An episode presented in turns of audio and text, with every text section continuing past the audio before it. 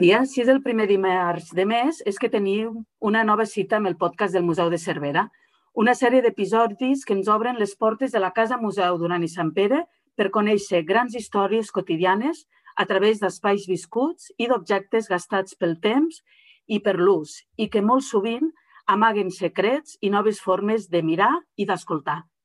L'episodi 2 porta un títol ben premeditat, Calaixos que s'obren, i és un experiment que vol demostrar, o almenys així ho intentarem, com un objecte és molt més d'allò que ensenya. D'allò que ensenya ens en parlarà la Mònica Piera, historiadora de l'art i experta en moble català. Moltes gràcies, Mònica, altre cop per, per ser aquí i per repetir amb, amb nosaltres. I d'allò que amague ens en parlarà la Sara Vendrell i l'Elisenda Valls, bibliotecàries i, per què no, custòdies d'excepció d'històries d'arreu. Jo mateixa, Carme Vergés, seré qui, episodi a episodi, aniré conduint-vos per aquest viatge a l'interior de la Casa Duran i a les intimitats que fan d'ella un fantàstic exemple de vida i de memòries. Avui la nostra protagonista és una calaixera mascambell del segle XVIII. Així, tal qual. Sembla potser poca cosa, però veurem que no és ben bé així. Només obrir la porta principal de la casa Duran, entrem al seu rebedor, un espai de benvinguda on trobem, curiosament, la major concentració dels mobles d'herència. Una caixa de núvia, un armari arxivador, un quadre de la Mare de Déu del Bon Consell i la nostra calaixera. És cosa, perdó, és casual aquesta disposició dels mobles més antics en aquest espai, en, en el rebedor, en la recepció de la casa, Mònica? Hola, bon dia. En primer lloc, eh, moltes gràcies per convidar-me a estar una altra vegada aquí col·laborant amb el museu i la Casa Duran i Sant Pere. pues no és casual el fet d'entrar a la casa i poder tenir un espai amb records familiars, amb l'herència, sobretot en un edifici que és eh, heredat, eh, tradicionalment es dedica un espai a recollir aquells objectes i mobles que són la memòria familiar. En realitat, tots tenim uns antecedents, doncs venim eh, d'uns pares, d'uns avis, i a la casa, a les sales principals es decorarà la moda, cada generació posa el seu granet de canvi, d'innovació, podem dir, a la seva manera, però això no fa perdre que en algun lloc està allò recollit, allò de la memòria. I molt sovint veiem que en el segle XVII, en el XVIII i en el XIX, aquest espai està o a l'entrada o a una de les primeres estances o en els passadissos, vull dir, aquells espais on es passa, però abans d'arribar al lloc innovador, la sala d'estar nova. Mm -hmm. Mm, de fet, és així amb, amb el nostre cas, també als passadissos eh, trobem alguna altra caixa de núvia que també havia vingut d'herència d'algunes de les dones que havien habitat la casa, però si et sembla ara ens centrem en aquesta calaixera eh, que ens sorprèn sobretot per aquesta estructura de, de calaixos més petits i, i menys profuns, el, el que s'anomena l'escambell. Sembla ser que, que aquesta, aquest tipus de calaixera correspon a una tipologia típicament catalana, no sé si és ben bé així o, o què ens en pots dir, i que sovint s'ha explicat eh, com l'evolució directa de les antigues caixes de núvia a, amb aquest nou moble que apareixerà, que és la, la calaixera. És, és així que ens pots dir de com apareix aquest moble? Bé, realment, eh, sí, la calaixera, a veure, comencem. La calaixera és un moble que en realitat en el segle XVI ja existia a les sacristies, a les esglésies, per guardar la indumentària religiosa que era tan cara, ja s'havien ideat uns mobles, unes estructures amb calaixos superposats. Però és curiós que eh, realment fins finals del segle XVII i el XVIII doncs, fa servir de manera més comú, no entra a la casa. Vull dir, costa molt passar aquest moble de les esglésies a les llars per guardar eh, realment la roba, especialment la roba i per això els calaixos grans, però també objectes de valor, eh, veiem moltes coses, vull dir, en realitat es veu el que són les pertinences particulars, quasi, de cada persona allà. I realment eh, a Catalunya hi ha aquesta variant de calaixera del, pròpia del segle XVIII i pròpia de Catalunya, que és la calaixera en bascambell, que no té referents en altres llocs. Um, és una calaixera que en el tauler té endarrerit al darrere uns calaixets petits i normalment són tres. De vegades hi ha alguna altra composició, però habitualment són tres. Llavors, el fet que només estiguin a Catalunya i que siguin tres calaixos, els historiadors ens hem plantejat bé, això d'on ve, per què a Catalunya hi ha aquesta variant? I realment l'explicació més plausible, més lògica, és que és una derivació de la caixa amb calaixos. Si ja la caixa amb calaixos era pròpia de Catalunya i tampoc té referència a altres llocs, a Itàlia algun exemplar, però és molt, molt minoritari, eh, sembla que eh, es passa aquest nou moble, la calaixera, que és més pràctica, més ordenada, eh, amb una alçada molt millor per guardar les coses perquè no t'has d'ajupir. Eh, per tant, és molt millor, el català l'agafa com a nova tipologia que està de moda a Europa, però incorpora aquests tres calaixets que a la caixa li eren tan útils per deixar objectes preuats, petits, diners, cartes, papers, llibres, petits. Vull dir que tot aquest material eh, segurament deien, bueno, vale, jo adapto el nou moble, però necessito aquests tres calaixets i els posen a sobre. Uh, per tant, només es fa a Catalunya la calaixera en bascambell. Va tenir una implantació molt, molt, molt gran. Uh, també se li diu de vegades calaixera amb castellet a la documentació. I um, dura, uh, la tenim en el segle XVIII, però en canvi desapareix en el segle XIX. És molt curiós que quan tenim la influència francesa després de l'imperi, Catalunya pràcticament deixa de fer aquesta tipologia que havia estat tan funcional i tan ben acceptada per la població. Suposo, pel que ara ens expliques, que si, si al final, tot i que té una, una pervivència llarga no? d'aquests cent anys del segle XVIII al, amb, amb aquest segle XIX que dius que desapareix, és perquè es, eh, se, es començaran a produir algun altre tipus d'objecte més petit, ja siguin joiers o ja siguin arxivadors o quin, quin tipus de, de moble apareix que substitueix aquesta necessitat dels tres calaixos més petits per, per aquest objecte de, de valor? En realitat, ja a l'època del 18 i abans hi havia arquetes, caixetes petites, el, eh, hi havia tocadors, vull dir, ja hi havia altres mobles.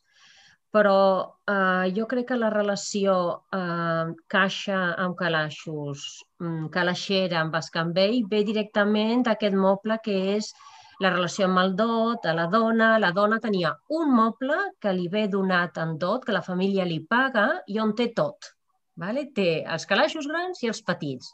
Cada mes el marit li regali un joier, que no sé qui li regali una arqueta. bueno, potser, però aquí és com un complet que funcionava molt bé en el 18. I jo crec que el 19 eh, és la moda. Ningú més fa això, la internacionalització fa quasi com que aquesta eh, proposta local eh, quedi com una mica en, no sé, passada de moda, potser, no, no, no, no ho sé, però realment el moble del 19 català canvia moltíssim. Eh, S'introdueixen mm, fustes noves, apareix el marbre que mai havíem tingut a sobre dels mobles. Vull dir, hi ha molts canvis derivats per la influència francesa i fa que es deixin de fer moltes coses de la tradició local. Eh, de fet, la, la Casa Duran segurament és molt més un exemple de, de casa amb tot un mobiliari, fins i tot podríem dir que eclèctic, més propi d'aquest segle XIX que ara començaves a definir tu, però en canvi la, la nostra calaixera, la nostra protagonista d'avui, s'inscriu eh, perfectament dins els gustos de, del barroc, dins els gustos d'aquest segle XVIII. Una mica, quines poden ser les característiques per, perquè el gran públic puguem entendre i com classifiqueu aquest, aquesta tipologia de moble en aquest moment, quins són el, els trets que, que l'identifiquen i que el fan que s'inscrigui en aquest llenguatge barroc. D'altra banda, un, un llenguatge, un moment històric que a Cervera realment té una empenta i, i és molt preeminent a tota la nostra ciutat. Aquests segles eh, 17 i 18, tan importants per, per Cervera. Uh -huh.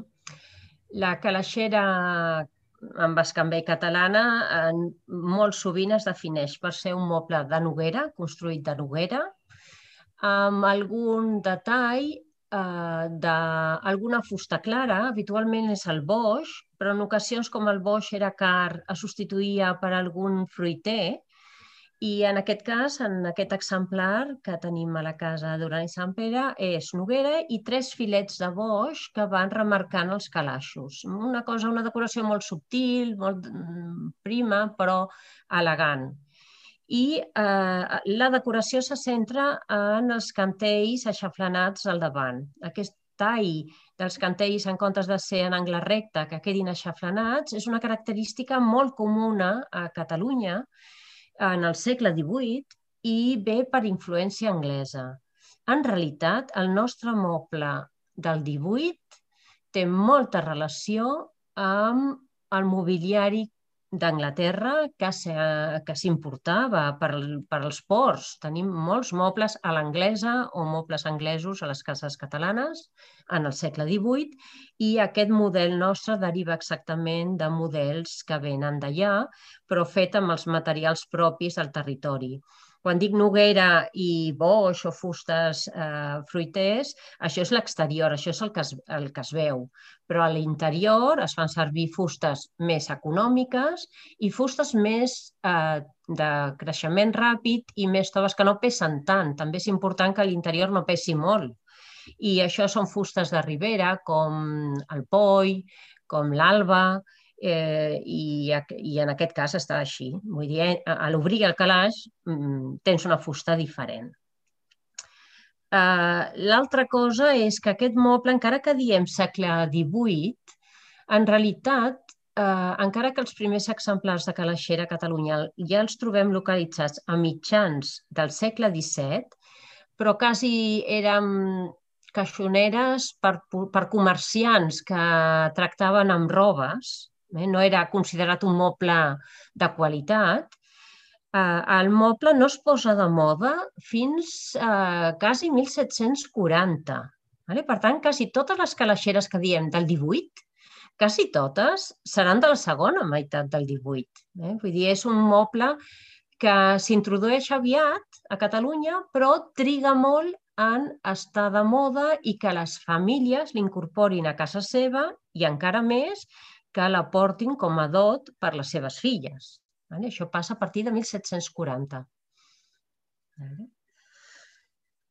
De fet, el, el, la calaix, aquesta calaixera de la que estem parlant no és un cas excepcional. Eh, trobem altres eh, calaixeres amb aquesta tipologia i amb aquestes característiques a altres indrets de, de Catalunya, no?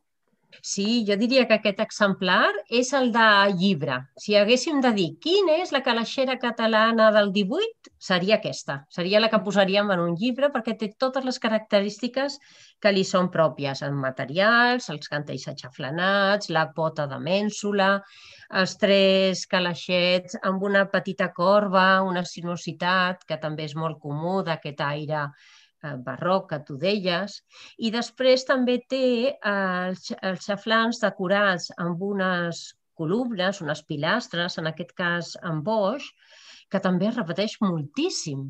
Per tant, mm, per mi és la calaixera de llibre i podríem exactament trobar models molt propers en altres col·leccions, a col·leccions privades, a col·leccions públiques, hi ha models molt, molt semblants. Mm -hmm. Eh, ara eh, agafo les paraules que deies eh, fa, una, fa una estona i que, de fet, també són les primeres amb les que començava aquest, aquest podcast, i és que la calaixera amague més del que ensenya. És a dir, ara segurament han fet una descripció com més formal, no?, de com és aquesta tipologia, sí que hem introduït una mica qui la, qui la utilitzava i on es troba i per què es troba en l'espai de la casa que, que han vist al, al rebedor, però tu parlaves fa una estona que el, tant els calaixos petits com els grans per la, per la roba de, de casa contenien objectes, per tant, contenien pertinences particulars. Aquestes pertinences particulars són les que ens permeten anar una mica més enllà de les tipologies i parlar una mica tant de l'usabilitat d'aquest objecte, d'aquest moble, com sobretot de qui són els que, que, qui utilitzen i quines històries es poden, es poden amagar. No? Eh, si mirem la calaixera, veiem que aquests calaixos tenen, tenen panys i, per tant, es tancaven amb clau eh, sembla doncs, que hi hagi una voluntat o una necessitat de custòdia o quasi de secretisme cap a, cap a aquests objectes que, que, que contenen els calaixos. Quin, quin és aquest motiu? Eh, és que són objectes de valor, com deies, quin, quin, quin tipus d'objecte i quina simbologia té eh, això que contenen i qui en serà la responsable d'aquestes claus? Um, A veure, jo crec que en temps passats les coses es guarden tancades. La clau i el pany val diners i realment eh, fer fer un pany era una cosa que s'apuntava eh, en, els, en els documents. Eh, eh un pany que val tants eh, sous, això eh, s'apuntava. Però és que si tu tenies una pertinença, la guardaves, la custodiaves i la tancaves amb clau. I la calaixera, al final, guarda les pertinences més importants del propietari. Homes i dones feien servir calaixeres en el segle XVIII, però aquestes que trobem com a herència en una casa, com allò que et rep, mm, quasi segur que formaven part dels dots, que formaven part de les pertinences de la mare o de la línia femenina de les cases i per això es guarden i per això moltes vegades l'hereda la, filles també eh? i per això es queden a les cases. I la dona aquí, quan veiem la documentació, ho guarda tot. Per una part, guarda la roba que la protegien, la cuidaven, les coses no es consumien com ara. Realment, si un tenia una roba, sabia el que costava el vestit de diumenge i tot això es, guarda, es posava bé, es planxava bé, es, era un, una cura molt més gran per eh, als subjectes. I això fa que es guardi bé i es guardi tancat i es guardi protegit a la pols. I, i, I aquesta idea de la clau és perquè això és meu i ho tanco. I jo eh, sóc la propietària d'aquesta clau. Eh, la documentació, la, la dona, la mestressa, és la propietària de les claus. Això eh, queda clar i ella serà la que anirà obrint aquests, igual que obre certes estances, obre els mobles i a la part dels calaixos grans segurament tindrà la roba més gran, però després hi ha dos calaixos intermitjos on hi cap un tipus d'objecte mitjà, mm, des de llibres o algun document a roba més petita, i després hi ha els petitonets, i allà és on pot guardar les joies, pot guardar eh, fins i tot algun relicari, algun record, vull dir, tota, coses de flors, de vegades seques, vull dir, realment hi ha molta varietat d'objectes, com a casa nostra, no? que guardem, és que tenim moltes coses, doncs tot això és el que al final elles tenien allà i per això és molt bonic, al final és com la vida d'una persona eh, amagada en aquests calaixos, no? i quan nosaltres obrim aquests mobles, de vegades, fins i tot ara, en el segle XXI, quan obrim en una casa particular aquests mobles, tens la sensació que estàs centrant en allò més privat, en allò que ha estat tan important per als propietaris, per la propietària d'aquest moble i més la dona en relació a la calaixera, que seria la mateixa significació que vam parlar l'altre dia amb la caixa. Eh? Aquesta relació molt íntima amb aquest moble que no és un mer contenidor, sinó que és mm, l'objecte que guarda, que conserva, protegeix tot allò que per una persona és important, eh? tot el que és material important. I per tant, sí, calaixeres sempre tancades. Eh? I després també alguns d'aquests eh, tenen algun secret. Algun, de vegades hi ha alguns espais perquè es veu per posar monedes o medalles o alguna cosa que s'aguardava eh, més amagat encara de la clau. Eh? Havies de passar, superar com una prova per arribar allà i, per tant, només ella poder accedir-hi. De vegades també són cartes. Penses que és un espai com per posar papers Vull dir que podem imaginar coses, realment arribat al segle XXI, eh, 21 han passat moltes coses des de que en el 18 algú l'havia adquirit, l'havia regalat, l'havia fet servir, però la documentació ens ajuda a veure que sí, que hi havia una relació íntima entre les propietàries i, i aquests mobles. De fet, eh, ens agrada, ens encanta eh, aquest discurs perquè una de les preocupacions del museu, i, i tu ho coneixes, Mònica, perquè ens has, has estat ajudant amb, amb bona part de tots els inventaris que, sur, que surten de la casa, és anar una mica més enllà no? d'aquesta de, descripció de, de l'objecte o del mobiliari per intentar apropar-nos a la quotidianitat, és a dir, a, amb aquests objectes que a vegades poden semblar molt petits, però que amaguen unes històries mm, que ens permeten entendre qui vivia, quines, què sentien i, i com es relacionaven entre ells. I per què no també ens permeten molt sovint interpel·lar-nos a nosaltres mateixos, no? perquè com molt bé has dit, també ara, al segle XXI, guardem i custodiem els nostres calaixos la nostra pròpia intimitat, no? I que a vegades potser no és tan llunyana a la intimitat d'aquestes dones, de, dones i homes de, de la casa. Per tant, ens agrada que anar amb aquest pas més enllà, l'obrir aquests calaixos i preocupar-nos tant del patrimoni material com sobretot també de l'immaterial, no? d'aquest eh, mosaic de memòries que, que a més a més la, la casa com a espai domèstic ens, bueno, és, és un escenari com dia d'excepció. De, Bé, Mònica, moltíssimes gràcies com sempre. Ja intuïem que no era poca informació la que ens podia portar aquest moble. Eh, segur que et tornarem a convidar a un altre dels podcasts del museu perquè la nostra voluntat és anar seguint fent aquest joc no? de redescobrir un moble però veure què més ens aporta d'informació i, i, per tant, agrair-te aquesta segona participació i convidar-te en, en, en futures ocasions. Moltíssimes gràcies. Moltes gràcies eh, a vosaltres. Fins ben aviat. Mm. I, I ara anem a fer un petit canvi. Eh, bé, parlem de calaixeres de fusta noble, sòlides i contundents que omplen espais, ara silenciosos, però que, si escoltem atentament i amb els sentits ben oberts, ens rememoren històries, sorolls, passes tranquil·les o corredisses, rialles, pors i tantes i tantes històries per contar i per ser escoltades.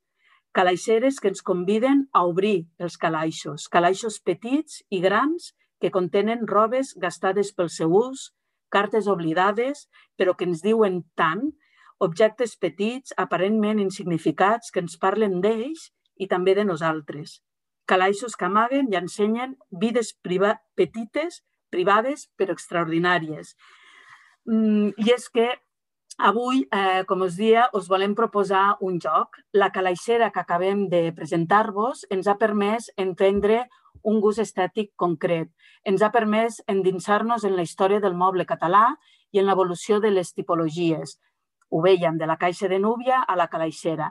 Ens ha permès parlar també dels usos d'aquestes calaixeres, de què s'hi guardava i qui era la responsable del seu manteniment. Però, i si simbòlicament obrim els seus calaixos i, i ens deixem sorprendre per allò que contenen? De què ens parla llavors aquest moble? Dient aquestes paraules, no puc deixar de pensar en la gramàtica de la fantasia de Gianni Rodari, i la importància, diria que vital, de descobrir velles històries o d'inventar-ne de noves.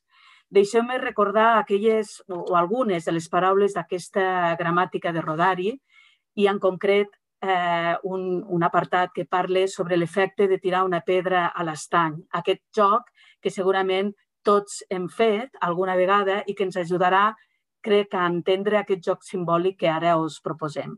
Quan ho fem, quan llancem aquesta pedra al, al llac o a l'estany, produïm una sèrie d'ones concèntriques en la seva superfície que, allargant-se, aniran afectant els diferents obstacles que trobe. Una herba que flote, un tros de paper, l'am d'un pescador, objectes que existeixen cadascú pel seu cantó, que estaven tranquils i aïllats, però que ara s'uneixen per un efecte d'oscil·lació que els afecta a tots. Un efecte que, d'alguna manera, els ha posat en contacte, els ha emparellat. Altres moviments invisibles es propaguen cap a la profunditat, en totes les direccions, mentre que la pedra continua caient. De forma no massa diferent, una paraula dita, llançada a la ment de qui ens escolta, provoca ones de superfície i de profunditat. Provoca una sèrie infinita de reaccions en cadena, involucrant en la seva caiguda sons i imatges, analogies i records, significats i, somnis en un moviment que afecta a l'experiència i a la memòria, a la fantasia i a l'inconscient, i que ens complica pel fet que la mateixa ment no assisteix impassible o impassiva a la representació, sinó que intervé contínuament. Avui no tirem una pedra amb aquest llac, sinó que obrim calaixos de memòria per provocar també connexions, ones de superfície, però també ones de profunditat. I ho fem de la mà de la Sara i de la Elisenda de la Biblioteca de Cervera, a qui agraïm moltíssim la seva participació en aquest podcast, però sobretot us agraeixo molt, molt sincerament que hagueu acceptat aquest repte de deixar parlar els objectes o de permetre'ns escoltar aquests objectes. Per tant, jo us diria que vinga, obrim els calaixos o potser els llibres il·lustrats i eh, anem a veure què, què hi trobem dins, què ens, què ens sorprèn i, i què ens pot reconèixer també. Tot vostre. Molt bé, moltes gràcies, Carme, per convidar-nos a jugar, perquè realment això és un joc, el que proposes. I nosaltres, mira, partim d'un àlbum il·lustrat eh, que de ben segur potser coneixeu, que és El calaix de l'artista, del Joan Barreig i l'Anna Terricabres, editat per Piscina Editorial, i aquest llibre hi ha una frase que ens ha atrapat, és la primera que diu les capses, les finestres i els calaixos tots s'assemblen. No saps què amaguen fins que no els obres. I realment va lligat amb això que tu deies, no? Um, nosaltres fem un paral·lelisme entre aquest objecte de la calaixera, d'aquests calaixos, i els llibres, perquè de fet el llibre, com a objecte, és un calaix que fins que no l'obres no descobreixes la història que s'hi amaga dins. I nosaltres avui hem fet un recull d'uns quants llibres um, que amaguen doncs, moltes històries que us convidem doncs, a, a, a conèixer. I volem començar amb El hilo de la vida. El títol ho diu tot, eh, aquest fil que, que durant tota la vida ens acompanya des de que naixem fins que morim, passant per un embaràs, per una malaltia, per un amor, per un, per un desamor, sí? aquest hilo de la vida del David Cali que ens, que ens convida a seguir aquest fil. I estirant fils, la cosa ha anat una mica de fils perquè també hem pensat en, en aquest llibre, en una història d'un jersei blau, que ens explica la història a través d'un jersei d'una àvia que el, que el teixeix, eh, com no? com ens acompanya al llarg de la vida, com aquest jersei acompanya, pensat per aquest net, per aquest fill, sí? i fins on arribarà i cap on anirà aquest jersei i ens acompanyarà al llarg d'una vida. I la veritat és el que dèiem la Mònica, no? és a dir, qualsevol objecte ens interpel·la i ens convida a fer-nos preguntes, però hi ha un element indispensable per saber què amaga aquesta calaixera i aquests llibres, no? i és la curiositat. La curiositat és el motor per descobrir què amaguen els objectes. És indispensable. I, eh, de fet, nosaltres sempre pensem des de la biblioteca no? que la importància de crear una experiència sensible i positiva pels nens, perquè si això no es dona, si això no sorgeix, és difícil a vegades arribar a descobrir el que s'amagui. Um, de fet, quan parlem de curiositat, hi ha un llibre que ens agrada moltíssim, que és l'Explora, de l'Aaron Becker. És un àlbum il·lustrat sense paraules que ho diu tot. Sí? Um, són dos nens, dos protagonistes que s'endinsen, que, bé, que un i l'altre, no? un per l'altre, doncs, um, es llencen no? per descobrir aquest món imaginari que els conduirà més a saber cap a un. I, de fet, quan ens vas proposar aquest joc no, de la calaixera, eh, evidentment, eh, la calaixera, com ha dit la Mònica, no, és un lloc on es guarda des d'aquella roba tan preuada aquella fotografia tan estimada, aquell mocador mm, tan preciós amb aquella punta, ens amaga objectes, ens, ens conserva vivències, ens guarda silencis, secrets, sí? eh, experiències íntimes. I això nosaltres ens evoca, ens convida a, a trobar títols, no? no? Ens, ens, ens passegem per la biblioteca i eh, quan pensem en una fotografia pensem en, en aquest àlbum, amb el diari de les cajas de fòsforos, on un avi eh, ens guarda la seva, la seva vida eh, dins d'aquestes caixetes de llumins no? i com, com aquest avi podrà explicar la seva història, la seva vida a través d'aquests objectes, d'aquestes fotografies. Sí?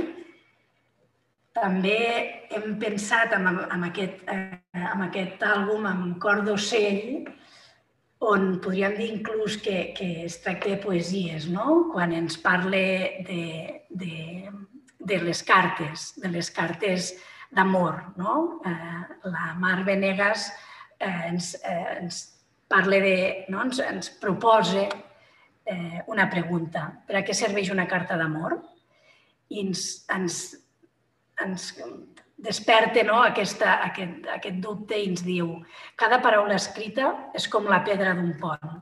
S'hi construeix un camí de paper i tinta. Cada carta a la bústia estira un centímetre de la terra, gairebé invisible, que acosta els enamorats, molt a poc a poc, fins que es poden besar. També hem arribat a, amb aquest altre àlbum, El collar de làgrimes, on ens, ens a través d'aquestes llàgrimes de tristesa i d'alegria, ens fa recordar les vivències de tota una vida. I també creiem que no hi ha una calaixera on no s'hi guardin records d'infància. I aquest àlbum ens hi, ha, ens hi, ha, ens hi, ens hi, ens hi porta, no? aquests records, aquests moments de quan som petits que tots tenim tots tenim molt presents eh, quan la mare portava trenes. I també, molt sovint, tot i que a vegades eh, ens costa, també hi ha records mm, de melodies, de cançons, no? tot i que ens sembli que no hi pugui ser, però creiem que també. I un altre àlbum on, on d'amor, no? una història d'amor a través dels personatges que la música els uneix i, i ens, del Hermani Rossi ens, ens convida també a, a pensar que molt sovint, quan obrim un calaix, també, obrim, també sentim una cançó. Sí? Aquesta calaixera també ens, ens porti a, a aquesta música. Nosaltres també hem trobat molt interessant aquest apunt que ha fet la Mònica i que has fet tu també, eh, Carme, sobre el fet de que la calaixera tenia clau, sí? aquesta calaixera del museu. I, i de fet, pensem que també hi ha un paral·lelisme entre el calaix i l'espai interior d'un mateix, no? aquest espai concau no? que d'alguna manera doncs, um, ens endinsa cap a, cap a nosaltres mateixos. No? És la recerca de la veritat, de sobre qui sóc jo. I de fet la lectura això ens ho porta. No? És a dir, aquest moment que uh, la, el lector i el llibre es troben en un silenci i hi ha una reflexió i una lectura compassada, doncs això s'esdevé. No?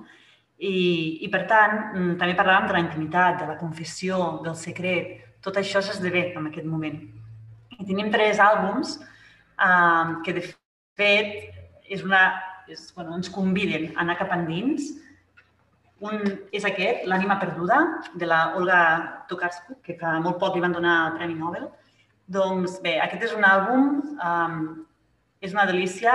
Eh, el recomanem sobretot per un públic adult, és a dir, no els àlbums il·lustrats, això també ho hem de dir, no? Sovint es lliguen per... És a dir, només es pensen que són pels nens quan realment doncs, per nosaltres són obres d'art, així mateix ho diem. I aquest, per exemple, és un àlbum que, que va adreçat al públic adult, no? I realment ens, ens, ens fa qüestionar sobre qui som i una mica sobre què fem en aquest món, no? I, i a veure si ens han perdut pel camí, no? amb tanta vivència. N'hi ha dos més encara. Un altre, el, la mentida, que guardem dins nostre i que no mostrem als altres, que guardem en els llocs més, més, més amagats d'aquesta calaixera que parlàvem no? i que no ens atrevíem a mostrar.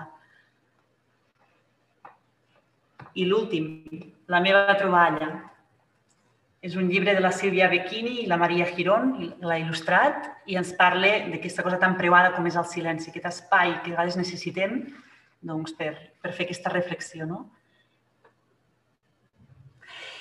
I, de fet, eh, creiem no, que quan ens vas convidar a, a, fer, aquest, a fer aquest joc, a aquest experiment, eh, creiem que, que el, el fet de, de parlar de calaixos no, va molt lligat, com dèiem, a, a, a la lectura, no? a, quan aquesta calaixera, avui parlàveu de la calaixera situada al, al vestíbul, a l'entrada, però també nosaltres molt sovint veiem aquestes calaixeres a les habitacions, no? als espais mm, molt íntims, molt privats. I, de fet, creiem que això té un paral·lelisme molt gran amb la lectura. Sí? Com quan nosaltres ens trobem davant d'un llibre, davant d'una història, com hi entrem. No? I, I, de fet, creiem que, que, que va lligat amb aquest silenci, no? és a dir, el que posem amb aquest calaix, que molt sovint només hi posem veu nosaltres, no? perquè hi posem significat nosaltres perquè coneixem el motiu d'aquella tria, de per què decidim guardar allò. I, de fet, ens agradaria, tal com hem començat, eh, amb, amb la primera frase del calaix de l'artista, eh, també ens agradaria acabar amb la darrera frase d'aquest àlbum que diu eh, el calaix de l'artista és una caixa, una casa màgica, un paradís per als curiosos. I, per tant, creiem que és la millor manera d'acabar, no? convidant-vos a ser curiosos. Fantàstic, de veritat, fan, fantàstic el, el reconeixement dels nostres, eh, de nosaltres mateixos, a nosaltres també des del museu ens, ens agrada molt inter interpel·lar-nos, és a dir, utilitzar el patrimoni que custodiem, aquest, teòricament aquest passat patrimonial, per, per connectar-nos amb el nostre propi present, que és una mica el viatge que ens heu proposat vosaltres. M'ha agradat, bueno, he anat apuntant un munt de coses que no ens dona temps, perquè realment el que hem aconseguit amb aquest podcast jo crec que és obrir nous calaixos, eh? perquè amb aquest eh, recull que ens heu fet de, de llibres il·lustrats, jo crec que a, a, a través de cadascun dels títols que, que heu dit podríem eh, fer un nou episodi perquè realment eh, és eh, un, sobre un, un calaix i, i sorgeixen moltíssimes històries sobre les que parlar. Però hi ha una cosa que, que heu dit ara al, al final que m'ha agradat molt perquè, de fet, és una pregunta que també com a museòlegs eh, ens plantegem molt quan heu dit que obriu un, que obriu un llibre, eh, ja heu dit eh, un, com hi entrem a la història, no? I, I, de fet, nosaltres també davant del patrimoni eh, que de les nostres col·leccions també ens estem plantejant cada dia com entrem i com les expliquem als nostres públics, per, no només per fer-ho més accessible, sinó per ser capaces de crear noves narratives, nous relats, segurament molt més participatius, on eh, puguem parlar de, de tot i, i més, no? I, i des d'un punt de vista molt multidireccional, no de dalt a baix, eh? com sovint s'havia fet. Per tant, de veritat, moltíssimes gràcies per, per les vostres paraules, per haver-nos obert aquests calaixos llibres increïbles amb històries per compartir, per haver-nos despertat la curiositat per seguir fullejant, aquesta curiositat absolutament necessària i urgent de, de Conrear. De fet, tots aquests llibres, i potser alguns més dels que heu dit, els podreu trobar exposats a, a la biblioteca durant tot aquest mes de, de juny. Érem conscients que aquí només donava temps de parlar-ne de forma ràpida, per tant, els podreu trobar a la Biblioteca de Cervera, si us hi atanseu. I allí també hi trobareu una fitxa que hem elaborat conjuntament on reproduïm aquest joc metafòric entre la nostra calaixera com a, com, com a element físic, material i les històries que, que amague amb l'enllaç a aquest podcast que espero que us hagi agradat tant o més que, que a mi. Ens acomiadem, per tant, moltíssimes gràcies Mònica, moltes gràcies Sara, moltes gràcies Elisenda i us emplacem al proper episodi que ara ja ho sabeu, és cada primer dimarts de mes. Al juliol, us avanço el proper, el podcast té a veure amb el nou diàleg amb la Casa Duran, una intervenció artística o un projecte artístic que ja fa uns quants anys que estem fent i que arriba ara a la seva quarta edició, amb la intervenció que ens proposa la creadora Ana de Matos, representació d'una mort anunciada, eh, i amb el podcast eh, que, es, eh, que el gravarem recent inaugurat aquest diàleg, que és el 17 de juny, falca publicitària. Eh, amb aquest podcast, com us dic, parlarem, conversarem amb la creadora, amb, amb Anna de Matos, parlarem d'art, parlarem d'apropiació d'espais, d'intervenció en el patrimoni. En definitiva, parlarem de passat i de futur. Fins ben aviat i moltíssimes gràcies a tots i totes. thank you